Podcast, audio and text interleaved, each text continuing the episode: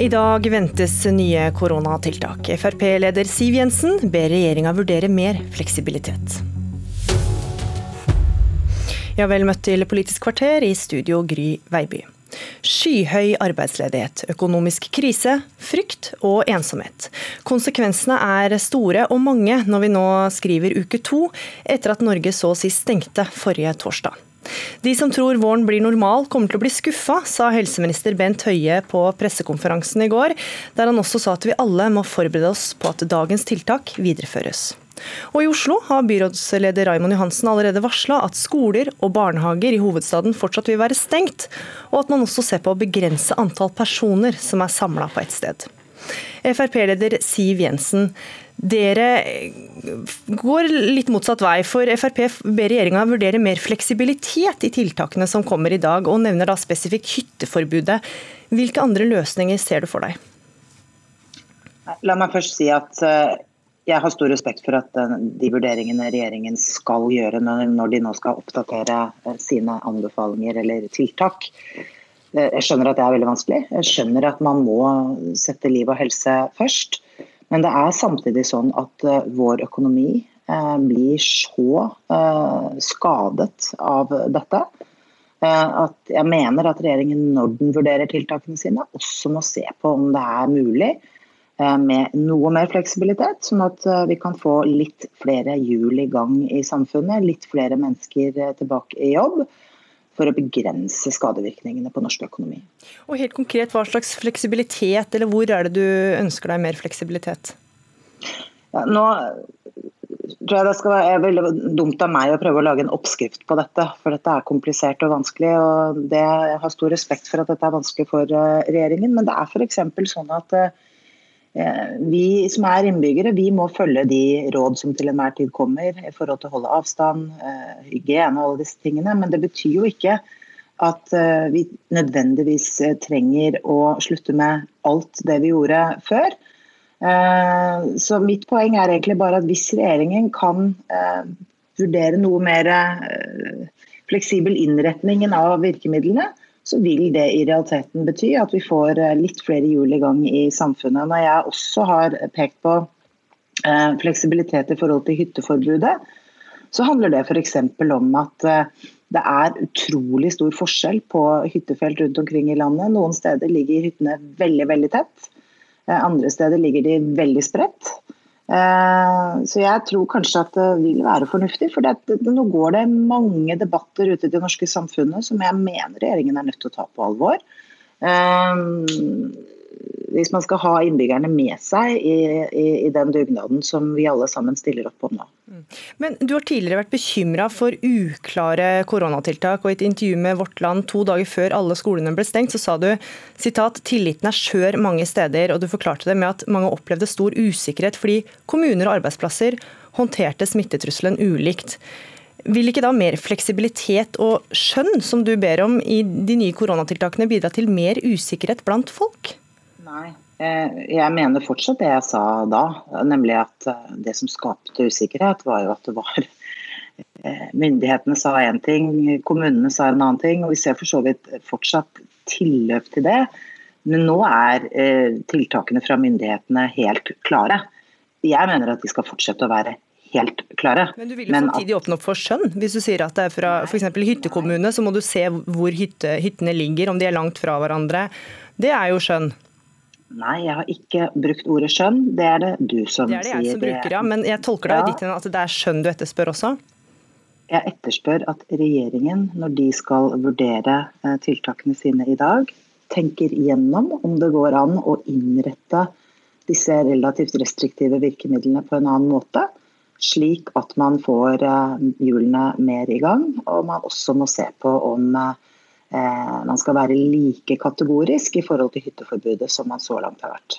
Hva med skoler og barnehager, bør de forbli stengt?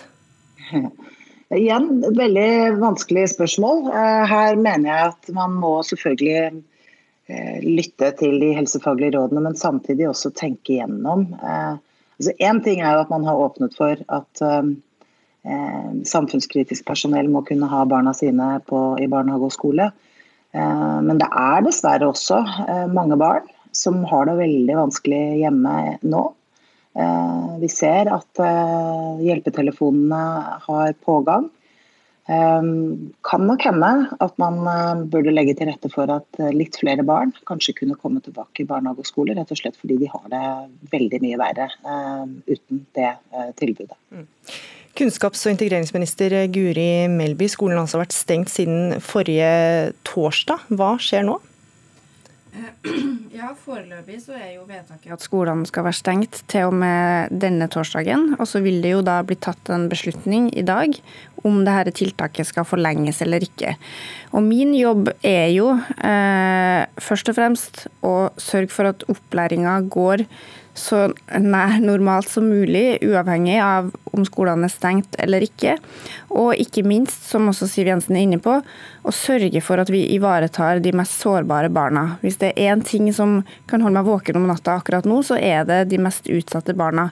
Og jeg vil bare understreke at vi har jo allerede åpna for at de skal ha en plass i skole og barnehage. I det regelverket som ble laga, så var det veldig tydelig at det var to grupper som har rett på skole- eller barnehageplass også i denne perioden.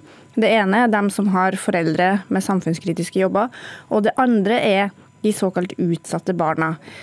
Utfordringa er jo at det kan være en ganske bred gruppe, og som er litt vagt definert. Eh, og vi har ikke satt oss ned og lista opp på en måte lange kriterier for hvem det skal være. Her er vi rett og slett avhengig av det gode skjønn som utøves mm. av lærere og av fagfolk rundt omkring i kommunene. Og jeg har bare lyst til å understreke det. Mitt inntrykk foreløpig er at dette skjønnet utøves veldig godt. Det er veldig mange lærere og barnehageansatte som strekker seg langt for disse barna. Mm. Samtidig så er det jo skjønn, som du sier, og det er vanskelige vurderinger her. Og det er vonde valg dere politikere nå står overfor. ikke sant? Det å stagge epidemien har store konsekvenser, ikke bare for økonomien og arbeidsplasser. Det får også konsekvenser for disse sårbare barna. Var det rett løsning å stenge skolene? Det, den konklusjonen kan ikke jeg gi nå, og det tror jeg ingen andre kan gi heller. Det var et veldig inngripende tiltak, eh, og det vil ta lang tid om vi vet om det var riktig å gjøre eller ikke. Sverige og Finland har jo valgt en annen løsning. Ja, ikke sant.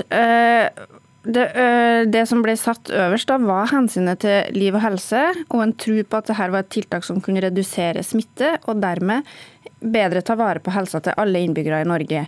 Men det er klart at jo lengre et sånt tiltak vedvarer, jo lengre skole og barnehager er stengt, jo verre blir det jo for de mest utsatte, dem som har foreldre som ikke greier å følge opp så veldig godt, eh, dem som er i sårbare livssituasjoner akkurat nå. Det er jo stadig flere familier som er pga. permitteringer og en rekke sånne ting.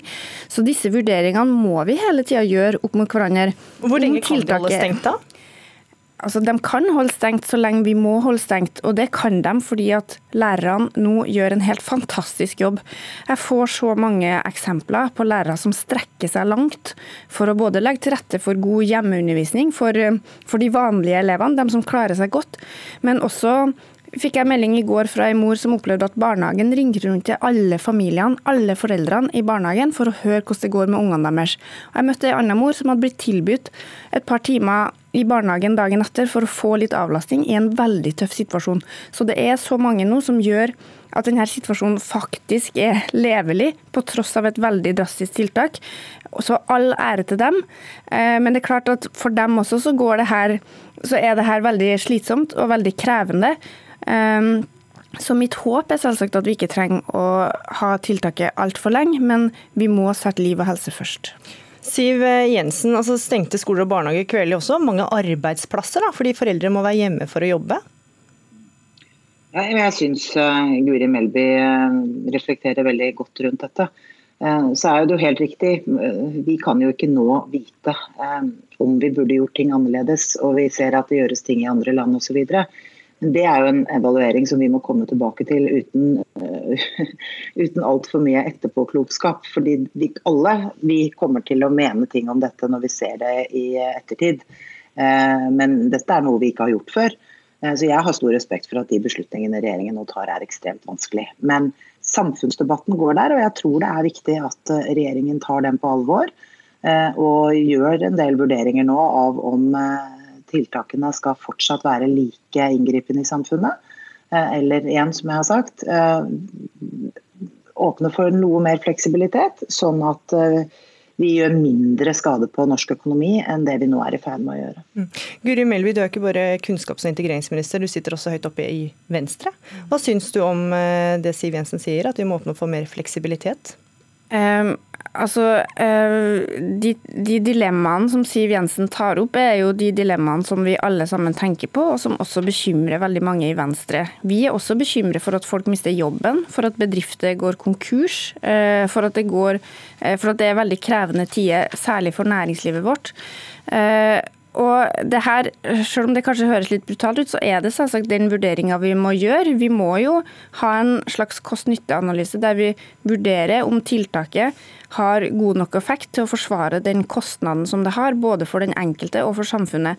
Og jeg mener det er helt legitimt for en stortingspolitiker som Siv Jensen å å stille spørsmål ved om vi har de rette tiltakene, og om det er mulig å innføre fleksibilitet. Men, men dere er jo avhengig av at folket stiller seg bak eh, forslagene deres. Kan, ja. Frykter du at oppslutningen rundt dette kan bli litt dårligere ved den type utspill? Jeg tror at vi må tåle kritikk, og vi må greie å argumentere så godt for tiltakene våre at vi faktisk tåler den kritikken. Og Mitt inntrykk er jo foreløpig at det er veldig bred oppslutning om tiltakene. Når det gjaldt f.eks. stenging av skoler og barnehager, så opplevde vi jo de par dagene som gikk før vi stengte, at det var stadig flere foreldre som begynte å spørre er det riktig å sende ungene på mm. skolen akkurat nå, og at det var et tiltak som kom egentlig på et riktig tidspunkt, der mange mente at det her var et helt nødvendig grep å ta.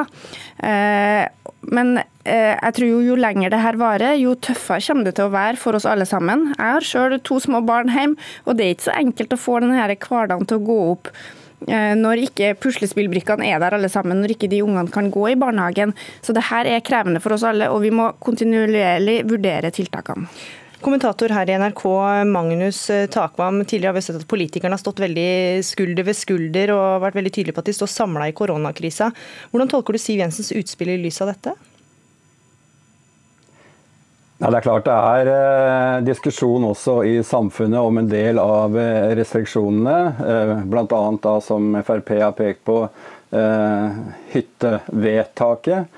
Eh, så jeg tolker det rett og slett slik at hun målbærer en del av den kritikken eh, som kommer der. Men samtidig så, så, registrerer jeg i hvert fall i både sosiale medier og ellers når det gjelder akkurat det forbudet, at eh, det er stor forståelse blant et flertall for at man i den fasen man er nå, har såpass restriktive tiltak. Mm. Men man er jo veldig avhengig av folkets vilje til å gjennomføre tiltakene. her. Det, kan, kan, utspill om at vi kanskje må se på tiltakene på nytt, og at det regjeringen gjør ikke er nødvendigvis er riktig, kan det bidra til å undergrave tilliten til at vi følger opp? Altså, jeg, jeg, tror vi tåler debatt om eh, tiltak eh, i samfunnet, både fra politikere og fra eksperter. Eh, det er ingen som har fasiten om den situasjonen vi er i nå.